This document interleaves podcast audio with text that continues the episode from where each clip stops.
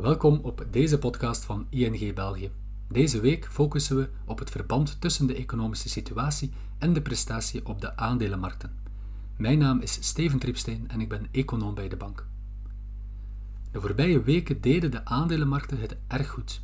Zo nam de BEL 20, de index met de 20 belangrijkste bedrijven in België, met meer dan 20% toe. Dat is de sterkste stijging in één maand tijd in 30 jaar. En dit terwijl de economische situatie in België, maar ook in Europa en de Verenigde Staten aan het verslechteren was. Laten we even concentreren op Europa. Na het heropenen van de economie na de eerste golf kon de economische activiteit sterk toenemen.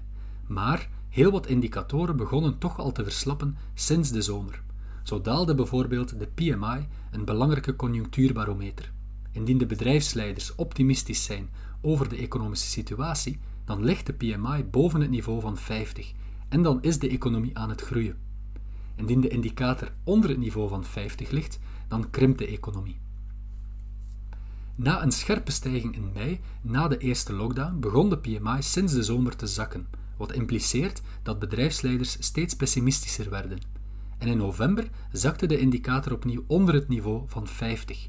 De sterke daling op dat moment had natuurlijk alles te maken met de nieuwe inperkingsmaatregelen die vele Europese landen invoerden. Onze verwachting is dat, het, dat de eurozone opnieuw in een recessie is terechtgekomen in het vierde kwartaal en dat er dus sprake is van een dubbeldip recessie. Na een eerste periode waarin de economie krimpt, komt er nog zo'n periode. Ook in de Verenigde Staten neemt het aantal infecties opnieuw sterk toe en sommige staten hebben opnieuw inperkingsmaatregelen opgelegd. We zien op dit moment dat ook daar de economische indicatoren wijzen op een verslechtering. En dus, terwijl de huidige economische situatie verslechterde, deden de aandelenmarkten het erg goed.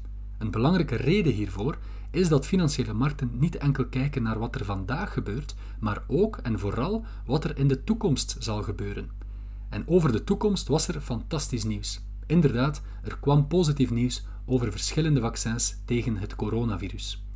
Een vaccin impliceert natuurlijk dat de toekomstige situatie sterk zal verbeteren. Bedrijven zullen opnieuw hun deuren onbeperkt kunnen openen terwijl social distancing niet meer moet. Er wordt dus verwacht dat bedrijven in de toekomst meer omzet zullen draaien en dus meer winst zullen maken, ook al is dat vandaag nog niet het geval. Omdat er verwacht wordt dat ze het in de toekomst beter zullen doen, nemen de aandelenkoersen nu al toe. Neem bijvoorbeeld luchtvaartmaatschappijen. Vandaag is de vraag naar vliegen nog steeds miniem. En toch namen de aandelenkoersen van luchtvaartmaatschappijen sterk toe. Dit komt omdat er verwacht wordt dat luchtvaartmaatschappijen het beter zullen doen wanneer er een vaccin is. Een tweede belangrijke reden waarom de aandelenmarkten het goed deden, heeft te maken met centrale banken. Er wordt verwacht dat centrale banken, waaronder de Europese Centrale Bank, verdere monetaire versoepelingen zullen doorvoeren, wat impliceert dat de rente laag zal blijven en zelfs nog kan dalen. Vorige week is de rente op Portugese overheidsobligaties met een looptijd van 10 jaar negatief geworden. Aangezien Portugal een erg hoge overheidsschuld heeft en waar de schuld door de coronacrisis sterk zal oplopen, maakt dit toch een opmerkelijke gebeurtenis.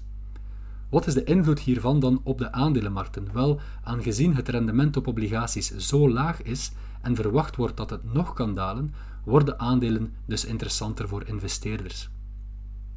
De economische situatie in november was dus erg slecht, maar gelukkig kunnen we op een licht positieve noot eindigen.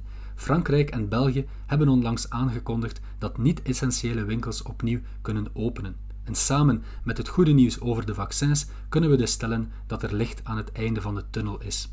Zo, wat, dat was de podcast van deze week. Bedankt om te luisteren en tot de volgende keer.